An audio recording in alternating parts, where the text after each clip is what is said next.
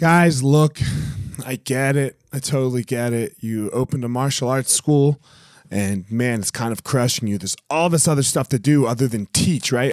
You love teaching. You love jujitsu. You love Muay Thai. You love karate. Whatever it is you're you're teaching. And man, but there's all this other stuff. There's there's the front desk. There's there's taxes. There's curriculum. There's cleaning. There's there's problems, staffing, covering. Whew, man, it's so much.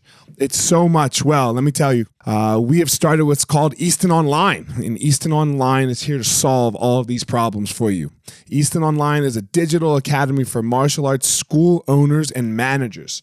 Will help you establish or enhance your business with best practices. Most importantly, we're going to help you get back to what it is that you love most teaching and doing martial arts. Okay, so for more information, guys, go to easton.online. Again, that's easton.online. Add your email. You're going to get notified about the course launches. Our first course is going to be all about the first impression specialists, your front desk, and all kinds of stuff, special offers, promotions, as well as we started a podcast by the same name, Easton Online, that's gonna talk about our process of how how we went from a tiny little martial arts school to what is now seven martial arts schools, seven Brazilian Jiu Jitsu Muay Thai schools, um, in a very holistic way that we believe um, kept the integrity of the art and also deals with its people very well. So again, Easton dot Easton.online, enter your email and you're gonna get all you're gonna get everything you need right there. So thanks, guys.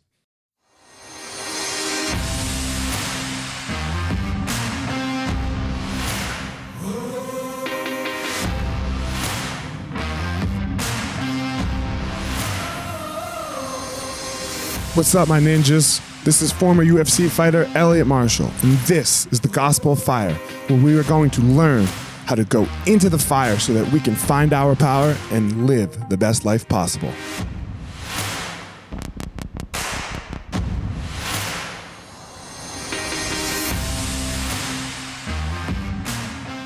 Guys, today's guest is Timothy Clark.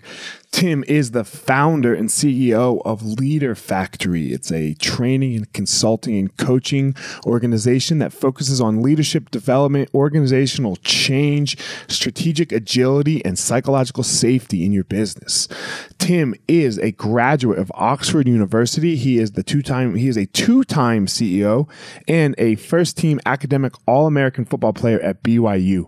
Um, that is all really great. But man, I really enjoyed this conversation with Tim about. Uh, we talked a lot about psychology and how we make decisions sometimes, and and how sometimes we we so greatly disagree on things, and why that is.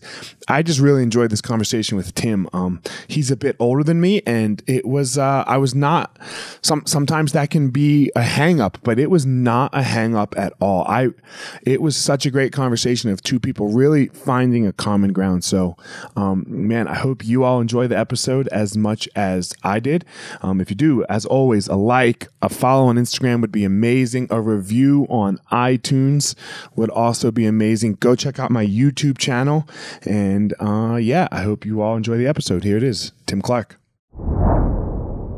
What's up, guys? Here we are, another episode Gospel Fire, Oxford grad, leadership consultant, Timothy Clark. How are you, Tim? Hey, I'm doing great, Elliot. Thanks for having me. Thanks for coming on. No, no coronavirus for you yet? No, no we're we saint we're staying out of it. We're staying staying out of it so far. We'll see how long that lasts. Yeah, I, th- I think we might all just get it, or maybe we've all had it already. Who knows, right? That's right. That's right. It's going to sweep through in some way or form, and uh, that's just what happens. So hopefully, the strain is is um, mild and we're okay. Yeah. How, how do you think? Uh, I mean, like, so you you are you you like to talk about like uh, these these four strategies of psychological safety, right? Like, how do you like this is such a hot topic right now with the coronavirus. There's people freaking out, right? Because they feel so unsafe. Hmm. Mm-hmm. Right? Like that. I mean, that's where a lot of the freak out. I mean, when, when you say like like when we feel unsafe, we start to to lose it So you know, here we are with Corona. oh, so that's a, that's a good point, Elliot. Let's talk about that a little bit. What mm-hmm. happens is that when people feel, and this is what the research says on right. both the physical side and the emotional and psychological side, when people feel unsafe, they generally change their behavior, and that's where we get into trouble. And that's probably yeah, yeah. what we need to talk about. And that's probably what your listeners yeah really need to hear about. And so we need to assess ourselves. So when we feel unsafe, how are we changing our behavior? And are we changing our behavior in a way that it's not helpful to to those with whom we're interacting? Is it is it harmful? Are we taking counsel from our fears? Because when we do, we're not at our best. And that's really that's really the important point is how is it changing our behavior and are we changing it in ways that are not good that are harmful that create uh, adverse consequences? So we should so we, can, we can reflect on that. Yeah we're gonna i mean that's like look the coronavirus like we said it's gonna come and go but what it's doing is playing on our fear right? Yes. Yes. it's totally playing on our fear. And then it, what you just said, like reflecting on your fears, it made me think about something. I was I was watching a basketball game with my kid last night because he's all about basketball, and the coach was just screaming at the at the players. Mm-hmm. And and and like that's something that's so interesting to me too because I'm a coach and I so excuse me I so rarely try to scream because when you when you elicit that fear response or that anger response in an athlete, I mean it might work for a second, but it's going to die. Right. So here, here's what we know, and this is uh, based on the research. When you use fear, when you push the fear button as a leader, as a coach, as a parent, as a boss at work, it triggers what we call the self censoring instinct. And we all have one of those. Every human right. has a self censoring instinct. And so, what do we do? When that so the self-censoring instincts means that we are then going to censor ourselves because we don't feel safe. And so what do we do? We retreat into a mode of managing personal risk. Well, if you retreat and retrench into a mode of, of managing personal risk, you're not going to be performing at your best.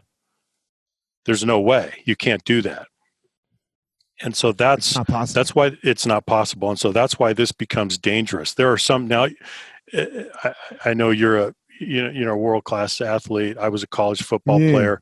When i had i had some coaches that we would classify as screamers. So i had a couple of coaches that were in the screamer category. In the short term that will elicit a response. And you'll get you'll get athletes to respond to that right? They'll get fired up but mm-hmm. it's actually a fear based tactic. So, what happens is you may see an initial response of performance and effort, but in the long term, it's not sustainable because fear is not a tool that is able to elicit high performance and sustain it. It doesn't happen. It can't happen. And we know that. Can I ask, I'm, I'm going to ask a personal question about me and sure. I want to hear your opinion about it. Sure. Um, so in my last fight that I ever had, hmm. right? Um, I was sitting on the stool, and my coach came over to me. It's between the second and the third round, and my and I'm fighting the best, probably maybe the best opponent that I've ever fought. You know, yeah. And my coach looks at me and he goes, and my nickname was Fire Marshal. He always called me Fire Marshal. He goes, "All right, Fire Marshal, this is probably it. This could be it for you, for mm. for you know." So what what is it that you've got? Can you show me what it is that you have in you? Mm-hmm. and give me one good round. Okay. and i went out there and i beat the fucking i have never fought so well in my entire life as i did in that five minutes. Mm-hmm. and there was no yelling and there was no screaming and there was no let's go motherfucker! There was none of that. So what allowed me to be so and i i felt a sense of calmness I was like, right. oh, all right, here we go. What like psychologically, like like from from the from the facts, not just sure. from like what I think. What was going on there? So I think what was going on there is that to perform at your best, you need controlled intensity.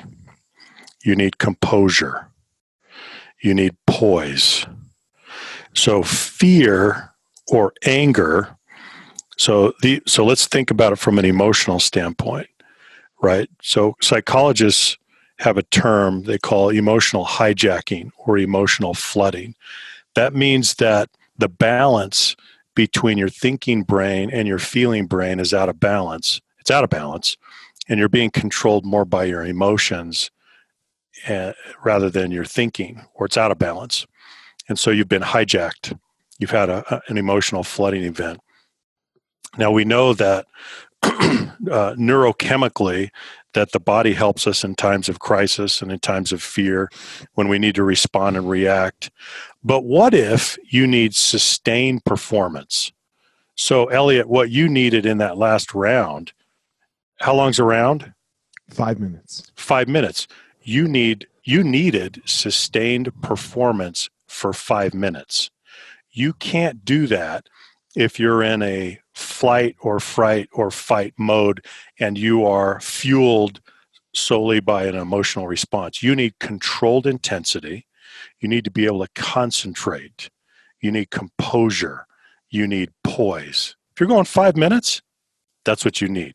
Now, if you need a, uh, just a a very I need to quick lift response. car off my child, man, I, I need That's different. everything. Right, that's right. different. Yeah, you I can you be need tired a, as hell at the end of that, right? That's right. That's right.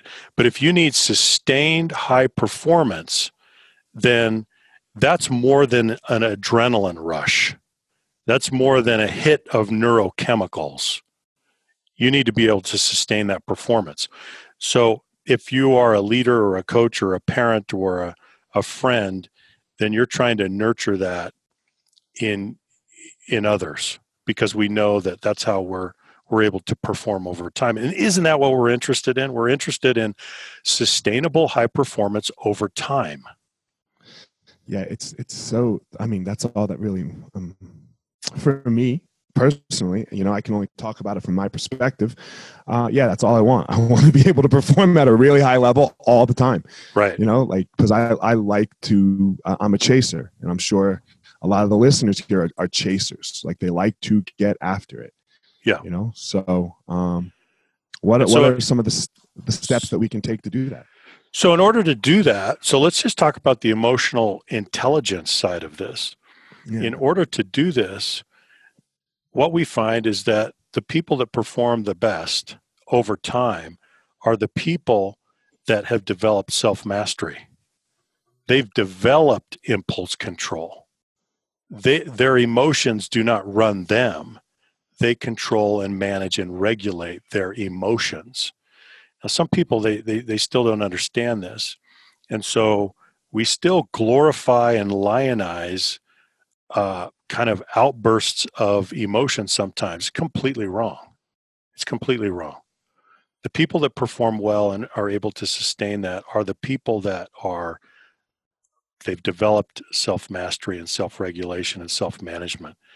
So that that ability to control impulses and to be in charge, it's it's um, master or slave relationship with with our emotions.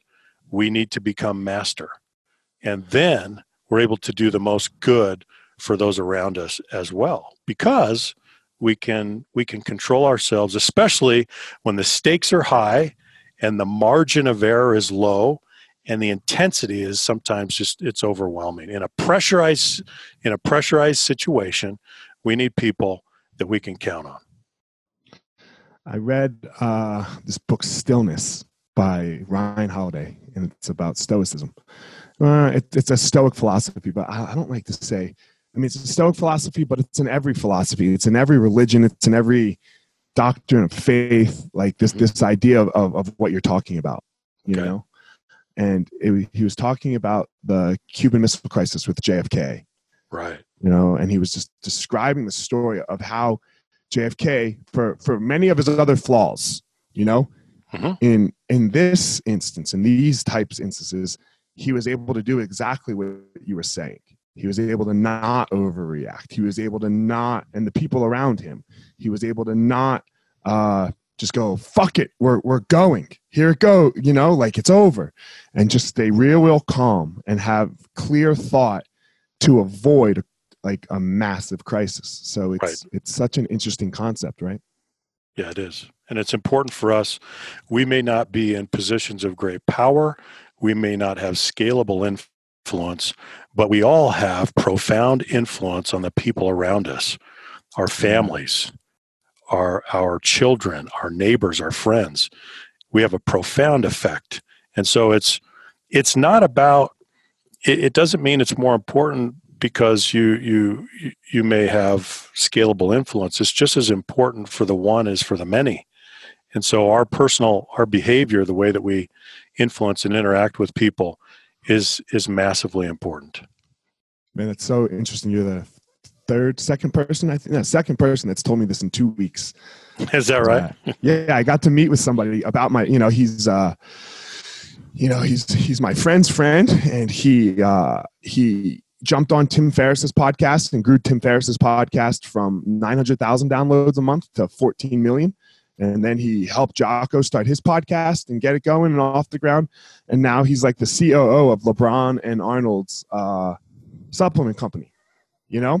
Mm-hmm. And we were we were talking and he was like, you know, we talked for an hour and he was like, well, what do you want? I was like, well, man, I want influence. Like I, want to, I want to change people's lives. That's what I really, really want. And he's like, well, how are you going about that? And we like went about it, my podcast and da, da, da, da, da, my Instagram, da, da, da. And I was like, well, would I get to a hundred thousand? Da, da, da, da. And he's like, hey, how about you just start with one? And I was like, huh? You know, it, it was, you know, like he was like, I was like, what? He's like, yeah, just start with one. And it's the same thing you're saying. First, step. influence one person, make one person's life better. How do you? Where where did you where did you come up with that idea? Well, so this goes back to the the the topic of of my new book, psychological safety, the four stages of psychological safety. So let me give you a definition for this. Psychological safety is a topic that's been in the research now for a few years, but a basic definition would be that it's not expensive to be yourself. It's not expensive. It's not expensive emotionally, psychologically, politically, economically, socially to be yourself. And what we're saying is that we owe that to each other. So the first the first stage of psychological safety is what we call inclusion safety. That means that we include each other. And we include each other on the basis of what? It's on the basis of our inherent worth as human beings. So we're not talking about worthiness, we're talking about worth. Worth precedes worthiness. Sometimes people get this wrong. When they get it wrong, it creates all kinds of problems. And so that's why we often we run our societies, we run our organizations, we often run our teams, our families on false theories of superiority. So, so, so think about all of the justifications that we have to say that I'm right that I'm better it. than oh you are. God. Yeah, yeah. Okay, I'm better. So I just I, I just worked with a, a, a, big group of leaders, and I said, what are the what are the what what are the ways that we justify superiority? Money, education, uh, job, title, position, physical prowess, authority, physical prowess. You're a better athlete. You live in a better neighborhood. You're a you're a better uh, you're a better race or ethnicity. You're a better gender. You're taller. You're better looking. You got better hair than I do. Although you and I are pretty similar in that regard. We're the same, man. Hey, We're the same. but the point is, the point is, we have run we have run our societies through all the ages of time on what I call junk theories of superiority. That's all rubbish. There is no legitimate basis to say that you're superior to so and so, that I'm superior to. It's it's all rubbish. And it was it, it's so incredible because we continue to perpetuate these junk theories of superiority. And we need to clear the decks of those because when we do, we see the truth that we are inherently priceless, uh, individuals and that we should invite each other into our respective societies simply because we possess flesh and blood. There's no other requirement. There's no other requirement. There's no other requirement. The only justification that we have for excluding each other, the only justification is when we threaten each other with harm. Then there's a justification. But you know what? That's we can we can handle that. And so uh, the the the respect and the civility and the courtesy that we owe each other is based on membership in the same human family. It's not that complicated, but we make it so complicated. We make it so complicated. We make it so complicated. I'm, i just got done reading this book uh, by this, uh, this Buddhist lady named Pema Chodron. It's called Welcoming the Unwelcome. And it was talking about this very concept because I struggle from this, man. I struggle from this this not good enough syndrome, like that I am not good enough mm-hmm. you know, because that was that was an early part of my life, and I've I have not gotten rid of it. And it was yeah. like, look, you are good enough. We every yeah. single creature is good enough just based on the cre- the fact that you are here. That's right. You know, that's right. Just that you are here and we are part of this life experience together. That's right. You know, look, we're about to go into this political season, man where you're going to have these two 70 year old dudes getting up on the stage screaming at each other you know about yeah. right like and yeah. going the uh, the exact opposite of what mm-hmm. we're talking about mm-hmm. i don't care um, it looks like it's going to be joe biden for the democrats right yeah but i don't care if, i don't care if you're it's going to if you're going to vote for biden or vote for trump they're both going to do the same exact thing so yeah. why how is it that we got here that we're electing leaders that that lead um very poorly we have allowed ourselves to leave our civility, uh, to leave the, the, the mutual respect that we owe each other. So think about think about the civil think about the nature of civic discourse today. Yeah. It's filled with personal attacks. Personal attacks are out of bounds right? We should be debating issues in a dignified way, debating issues on their merits.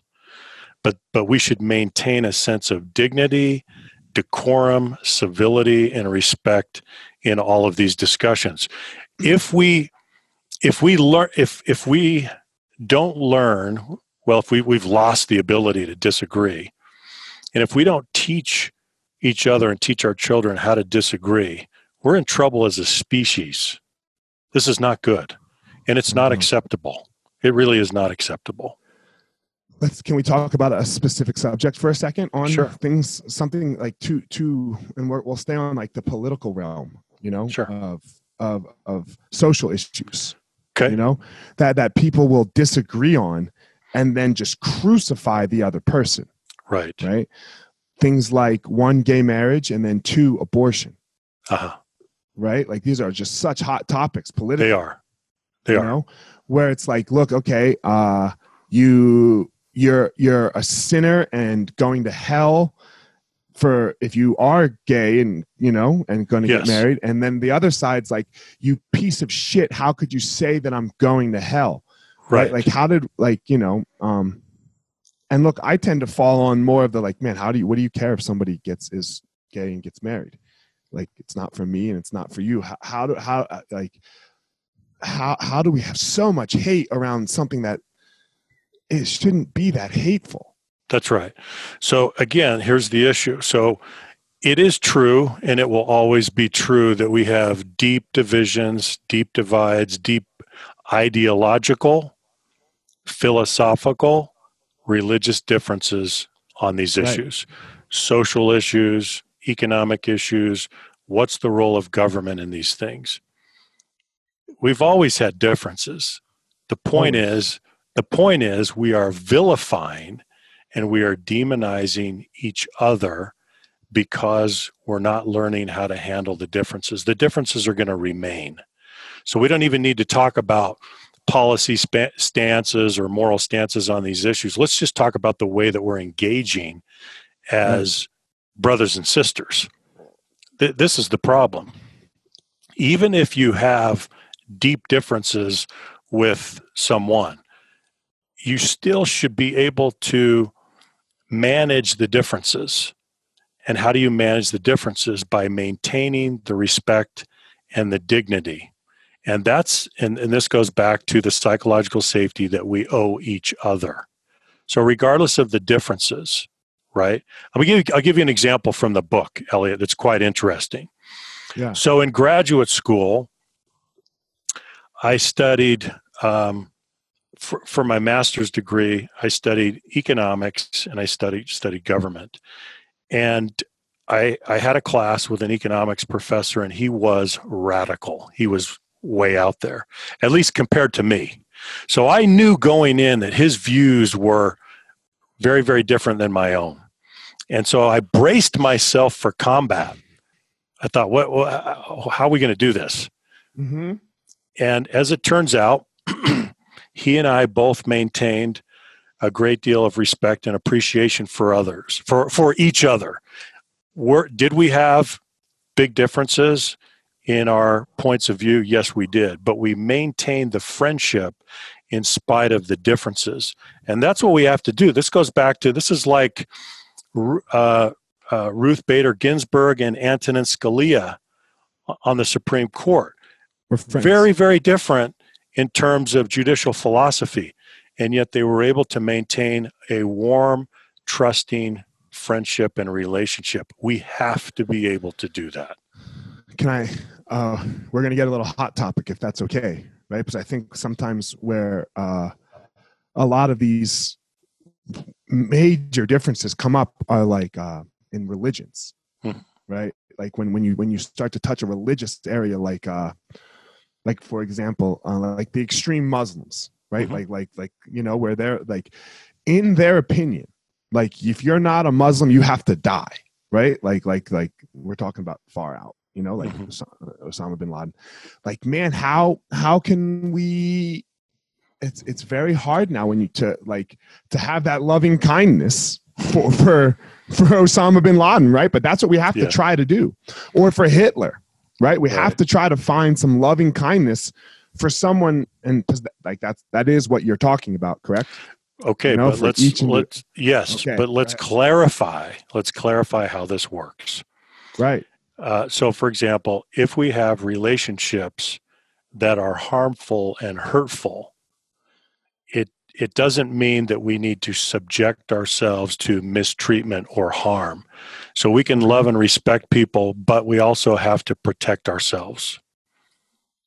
That's very important. We have a stewardship to protect ourselves and to protect those around us.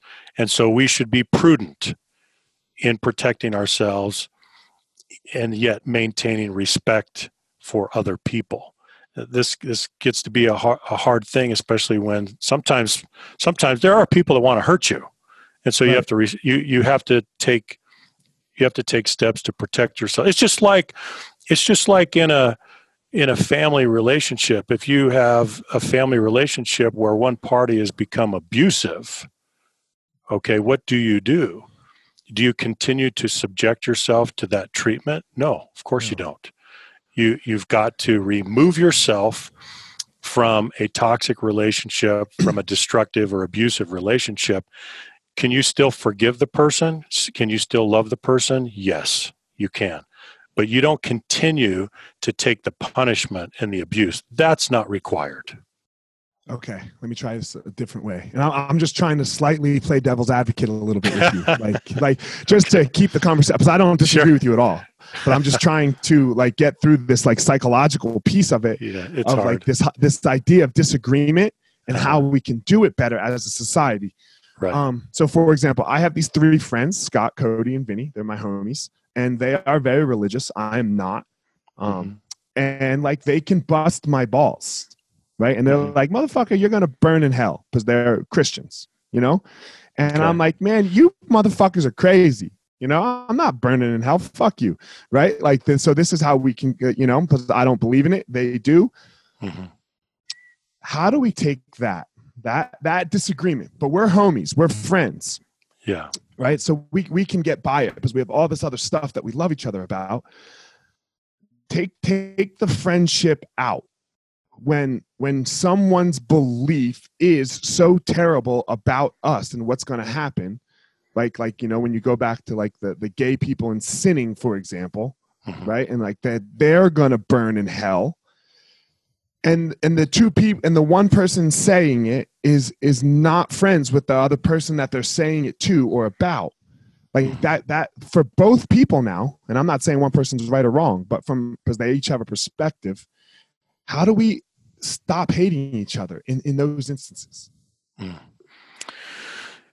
it gets hard it gets real it hard It's right? really really hard but here's the thing if so this gets to the the principle of forgiveness which is very very important to understand even when people hurt us if we don't forgive them and by forgive forgiveness i mean to let it go if we don't forgive them then re, we retain the hurt and the poison of that experience that's a corroding influence in our hearts so even though we've been hurt we have to let that go otherwise it hurts us and we carry a big backpack around for the rest of our lives right we uh, uh, with with the wrongs that people have committed so against heavy. us, let it go.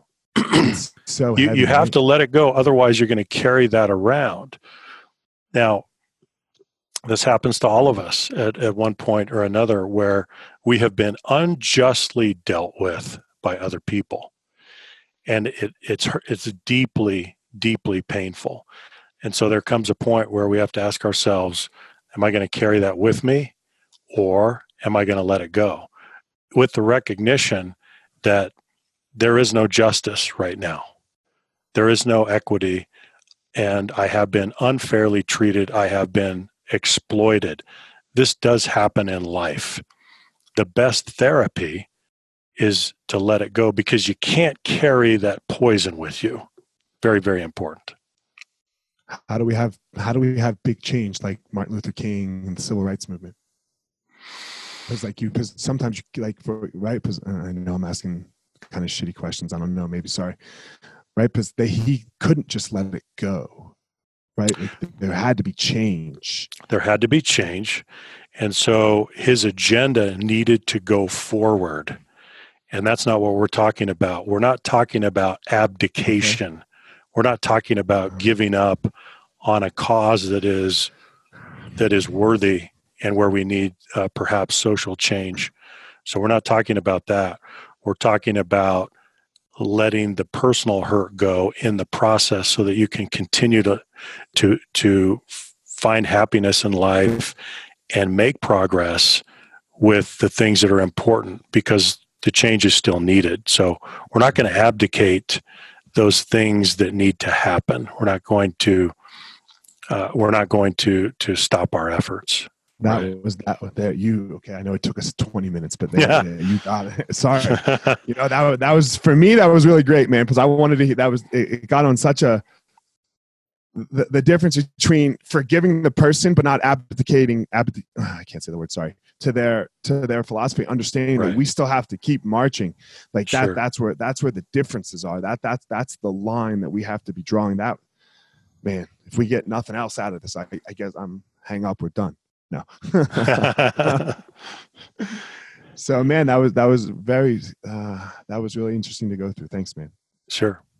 Sure. So um what else is it that you do now currently right like you you are a leadership consultant how do you mm-hmm. how do you help teams like what are some what are some of the things that you do well i i do work with executive teams lots of teams across industries and um, government healthcare education and right now, the big focus is to help the teams elevate their level of psychological safety. And the reason, the reason, Elliot, that this has become such an important issue and there's so much momentum behind it is because, on the one hand, there's an ethical force in organizations that is at work and that is putting more pressure on leaders than ever before to create psychologically safe organizations. Let me tell you why. And I think your listeners, listeners will find this very important. In the past, for many, many years, perhaps centuries, we have in organizations, we have often treated each other poorly and we have normalized that behavior. We have, so just, just, just think about, I mean, just in my lifetime, in my professional lifetime, I have seen this with my own eyes where we have normalized bullying behavior. We have normalized harassment. We have normalized public shaming. We have normalized manipulation. When we normalize it in organizations, we uh, you look around and people say, "Oh, that's just how we do things." What's happening now is a sea change, where the millennials are pouring into the workforce and they're saying, "Hang on a second, time out, time out. I'm not doing that. I expect a work environment or an organization that provides psychological safety as a threshold requirement. So if you don't offer that, I'm gone. Adios. So the ethical force, Elliot, at work in organizations today on this issue is beyond anything that I have ever seen before. And this is a good thing this needs to happen because it really is a moral responsibility that we provide that to each other. But it is astonishing when we look back and we think, oh, what, look what we allowed. Look what we normalized. Look what we tolerated. Can you believe this? So that ethical force is is just it's just stronger than it's ever been. So that's that's one side of it. Does that make sense? Hot, yeah, it makes sense. You said a very hot button word, though, millennials. Yeah. Because when everyone look, my business is filled with millennials, filled yeah. with them. Millennials run my business, and they fucking crush it. Like I, I have no clue what people are talking about when they talk about like that the hatred that people have for millennials because mm-hmm. they do great work. You just yeah. have to show them. You have to show them some kindness and love. You yeah. know. Uh, but when you when a lot of people think about millennials, they think about no scoreboards, right? right. They think like as children, right? Like right. No scoreboards. Everybody gets a trophy. Everybody gets a trophy. Entitlement. Which I, right. Which right. I think you I disagree with. I don't know about you. Do you dis I mean, I think we should have scoreboards. My kids do much better with scoreboards. Well, I I do too. Um, I I mean, I grew up in locker rooms. Right. And um, the, the reality is that we need we also need to teach accountability and that's where we have fallen short in many instances. We're not teaching accountability and we're not holding ourselves accountable for our behavior and our results and, th- and that is vitally important. You're never going to be happy in life if you're not producing real results right? It's it's not possible. Uh, you're you've got to be able to deliver real, real results in order to find deep satisfaction in what you're doing. That's the bottom line. So we need to teach accountability. We need to teach collaboration. We need to teach disagreement. Now, let, let me go to the other part. Okay, this is the other part. This is very important. So I talked about yeah. the moral force that is that is affecting organizations. The other force is the competitive force. The competitive force says that you are not going to be able to survive unless you are providing something to the market that's competitive. So you're going to need to innovate. What does it take to innovate? This is very interesting. The biggest barrier to innovation across organizations is culture. Number one, that's your biggest barrier. And as we look inside, as we try to deconstruct this, what is it about culture that's getting in the way? It's a lack of psychological safety. When you innovate, by definition, you're disrupting the status quo. So you need a culture that allows people to be safe when they challenge the status quo. When they say, you know what, I think something needs to change here, or I've got a better idea here, or why are we doing it this way? The, the organization needs to give its members a license to innovate, a tolerance for candor. So here's the way that I frame it the leader's job is to create, to increase intellectual friction, and at the same time, decrease social friction. Now you got to think about that for a That's minute. Tough. That's yeah, really hard. It is Yeah. tough, but that's what organizations that need to innovate, that's what they have to do. Because where does innovation comes from? It comes from creative abrasion. It comes from constructive dissent. It comes from ideas that are colliding. That is intellectual friction. We have to have that. That's how we innovate. That's how we create solutions. That's how we solve problems. But what normally happens, right, is when you have high intellectual friction, it tends to create social friction too because we're sensitive as human beings.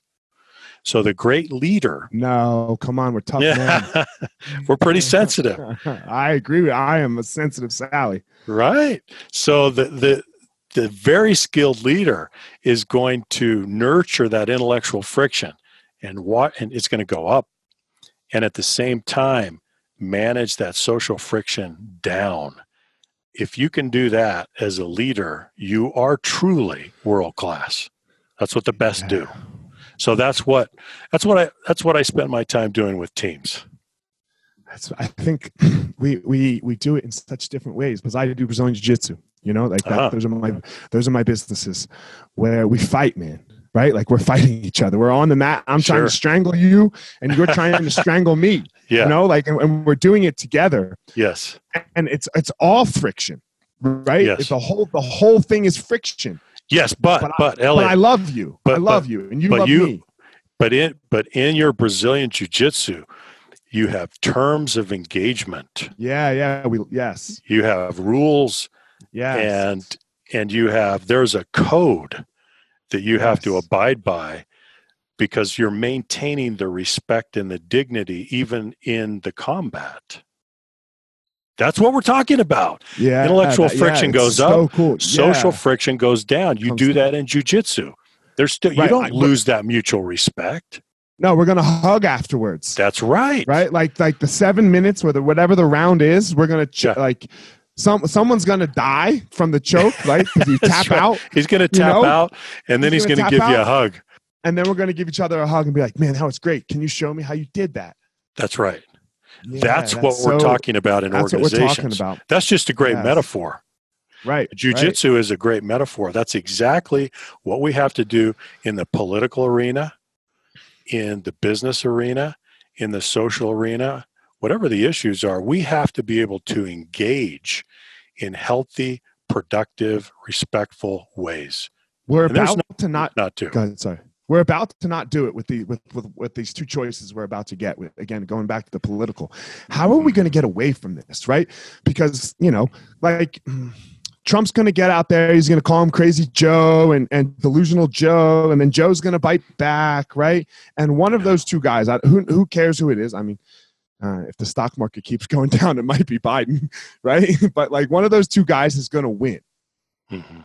and then the next person that comes up i don't care who it uh who, whoever the next two are they're going to Mhm. do the same thing how do we get out of this cycle because those are the people that we're looking at True. right how are we going to how are we going to leave this cycle Are- are- is that generation just going to have to die off or or what's going to Well, happen Well, I think first of all we have to back up, Elliot, and we have to we have to take some accountability here. We have to acknowledge that these are the people, uh, these are the leaders that we have voted into office. These are the leaders Mhm. that we have promoted. So somewhere along the line, we have to take responsibility because um, this is the output of our process. And and and this is a democratic process. So i think we need to go back. We need to do a little soul searching. And we need to ask ourselves what what have we done perhaps that's been misguided to get to this place? Because the modern world is complex and we have a lot of problems and a lot of challenges. But my goodness if we can't engage the way that you engage in jiu-jitsu we're we're, we're not going to we're not going to do well right? We're we're just we are cre- we are creating self-inflicted wounds and we're having unintended consequences from this. So i think we need to go back and do some soul searching and we need to get get the hate out the vitriol out the you know this kind of this kind of dialogue it has no place. This is not the united this is not what the united states of america was built on have we mm. from day one we've had marvelous disagreements about everything and that will continue we have to be able to get back to the uh, to that ability to disagree to engage to have that tolerance for candor that we need but we've got to be able to maintain the dignity and the respect. That's my opinion.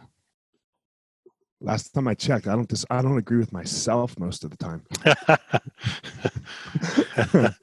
yeah, yeah. You know, like I yeah. disagree. Ah, shit, and I was wrong about that one. Uh, yeah, right. But yeah, but we can we forgive. I, I don't know if we do forgive ourselves. It's a good question. I don't think yeah. most of us do. Like when we're wrong, I think I think most of us probably we let it go, but we beat ourselves up about it a little bit. Mm-hmm. In mm-hmm. some way, right? In some way, why by either being mean to somebody else or getting depressed about ourselves, right? Like, so how do yeah. how do we how do we deal? Mm, how do we deal with ourselves? Like, I'm a person that experiences really acute and intense anxiety. Okay, like, it can really really suck, mm-hmm. right? So how do how do I free? How do we free ourselves uh, of some of those sufferings because we are living in a world of great anxiety and depression right now. We are. Um, I would, I would say this that we we have to realize that there's tyranny at the extremes. Any extreme becomes destructive, and so as we are living our lives, as we're making decisions, we have to be very, very careful that we are not being influenced by fear on one end, uh, selfishness or arrogance on the other, because those extremes are very, very hazardous to us. They're hazardous as members of families, communities, organizations. We've got to be very careful to stay away from those extremes they are. That's why we say there's tyranny at the extreme. It and and it's it's it's not helpful. So I would I would advocate for more humility because here's what we know about ourselves as humans. We are ignorant in many ways, and we all have we all fall short uh, in our knowledge, in our skills, in our aptitudes, in our competencies. There's a lot we don't know we need to acknowledge number one, that we're ignorant, number two, that we're interdependent. This is true for all of us. And when we come to that realization, it really does bring a, a spirit of humility into our lives. And we, and, and then again, what does that do? It changes our behavior and it softens us up. So when we go through suffering, uh, when we go through the adversities of life, we have a choice about how to respond. And normally, what we see is that some people harden and others soften. And it's quite interesting. You, can see people that have gone through very similar experiences, but they come out on the other end, and some are hard and some are soft. Well, what accounts for the difference? Well, it's it's the response. It's it's it's the way that that not only you traveled through that adversity, but the way the adversity traveled through you. How did that adversity travel through you? And and what's the state of your heart? That makes all the difference in the world. Man, Tim, I really appreciate what you're saying here. It's it's, it's really it's really kind of beautiful. You know, it's uh, it's so touching, and uh, the interdependence piece, right? Like, uh, I, I can't exist without you, and you can't exist without me. And if we don't do it well, then we're a little screwed. I think so. I, I think that we all we all go through periods of, of great suffering and adversity in life. It it we all go through our crucibles of affliction. The question is, what are we getting out of it? Is it refining our character? I think that's really what we're after. Is it refining our character? have we become better human beings? Do we have more empathy and compassion for those around us, even for those who may have hurt us, even for those who don't apologize, even for those who are acting in willful blindness, and and um, even for those who are unethical and exploiting others. Now, again, as I said before, we need to no, protect no, ourselves yeah. in in in smart and prudent ways. But I think the point of of having these tough experiences in life is that we become more refined as human beings. I think it was Clayton Christensen who passed away just a few days ago, and a man that I admire greatly. He said, "Teach your children when they're in high school to do hard things." And and that counsel has stayed with me because I look at our children, uh, my wife Tracy and I, we have sons and daughters and you know the old the the old uh, maxim that says are you going to prepare the the the road for the child or the child for the road? Yeah and yeah, i love that and that so we can't book. yeah we can't over we you know there's there's too much coddling going on in some cases. There's too much neglect going on in some other cases. And then in a third category we have some parents that are they're they're they're too controlling they're too authoritarian and they're not showing a, enough love. So here's here's here's the elusive combination. In our relationships we need love and we need accountability. And to strike that balance is often very difficult but that's what we need with each other. We need the love and accountability, and we need the humility so that we can apologize when we make mistakes. Man, that was it was really interesting what you just said there with the parenting thing. Um, because my 10 year old, the other day we were walking back from somewhere, I don't know where we were. And he goes, Hey, dad, can you do me a favor? And I was like, Yeah, dude, what's up? I'll do anything for you pretty much. You know, and, I, and he was like, So, like the dishes, rather than tell me that I have to do the dishes right now, can you just say, hey, Kanan, the dishes need to be done by 9 uh-huh. And then let me see if I can actually do it. And like, like structure my day so that, or my hour so that, you know, all right, I might brush my teeth. I might go to the bathroom. I might look at, read my book for a little bit. But I know that the work has to get done. And he said it's like more like a kid, you know? And and I'll do, and I'll get it and I'll do it. And I thought that was so interesting because that's he was asking for that, right? He was asking. He wasn't asking to not do the dishes. That's right. And he wasn't asking to do them like you know at eleven o'clock at night when it's bedtime. He was asking to like be able to manage himself mm-hmm. with a little bit of help from me. We're like, sure, when they're five, it's like, hey, dude, we got to go do the dishes. That's right. Right. But okay. when they're okay. 10, yeah. Uh, yeah. Go ahead. Sorry. So, so let me comment on this because, yeah. so let's overlay the four stages of psychological safety framework on that because you just gave a case study example of what we call contributor safety. Contributor safety means that you can contribute as a member of the team using your skills and your abilities to make a difference with autonomy without the fear of being embarrassed or marginalized or punished in some way. So, what was your son asking for? He's saying, Dad, I'll do the dishes, but let me do it my way. I need some autonomy.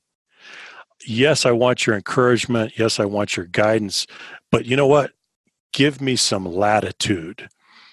Give me some give me some some some rope give me some autonomy to do this. That's what I want. And increasingly, so think about parenting. Parenting is essentially the transfer of ownership. And if so, if you have a child that's asking, that is taking ownership and just asking for a little bit more autonomy, beautiful. That's right. beautiful. That's that's I, you must be doing something right, Elliot, for him to respond that way. So, congratulations. Uh, I just got lucky, man. He popped out pretty, pretty solid. So, um, fantastic. Yeah. So, um, we're going to wrap up here, but I got two questions for you, real fast, before we do, or one question, sure. one statement. So, um, you and I are probably different generations, right? Different, uh, different genres, a little bit. Uh, I'm, I'm, I'm this guy over here. That's, that's. Uh, a fighter and yada yada. Uh, I'm not I don't have the hugest platform. What what was it that made you say yes to coming on my show? Like what why, you know, because you could you have a lot of shows you could go on. I'm sure Hmm. you say no to a bunch. Uh, my perception was as I as as as I evaluated your show is that you are sincere and that you have good and pure motives. Now that means a lot to me, Elliot, because here's why. Uh, human beings have a natural ability to detect intent in other people. You don't need to go to school to learn that. We all Right. we, we we can sense intent in others. And so if you don't have good intent, if your motives aren't pure, you don't pass the smell test. And so just for me, honestly, to answer that question, I felt that you passed the smell test. I, I felt that this is a man that has good intent and he's trying to do good in the world. I can sign up for that. I appreciate it. Yeah, that, I mean, so that's I mean, I'm I'm looking for you on the same thing, right? Like I'm like, right, who's right? Like who's passing Yeah. the smell test? Like, you know, let me let me go check this out, you know? Yeah. Yeah. and, and- see i like uh because i don't i mean i have a team that does this that helps me find people you know Yeah.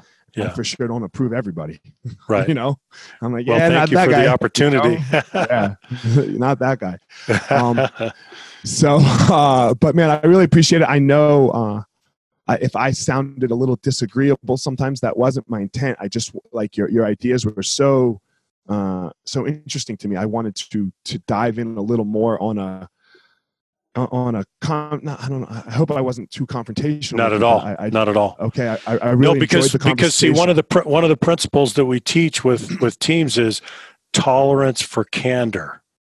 right. We need the tolerance for candor, and so I I appreciate that, and um, I, I I support that. We need that kind of environment. I, I appreciate it. I, and, and the only reason I say that is because I had one of my fighters on, a very famous fighter, Alistair Overeem, who uh, multiple time world champion in many different disciplines of the martial arts, and he has experienced some of the greatest losses you have ever seen. Hmm. Right? I mean, devastating losses, and I have never seen someone in my whole life take them. Especially in the fighting world, right? Because it's not like putting a ball in a hoop. Like you got, you get destroyed in Yeah. front of millions and millions of people, you know? And he's able to just come back and come back and put, you know?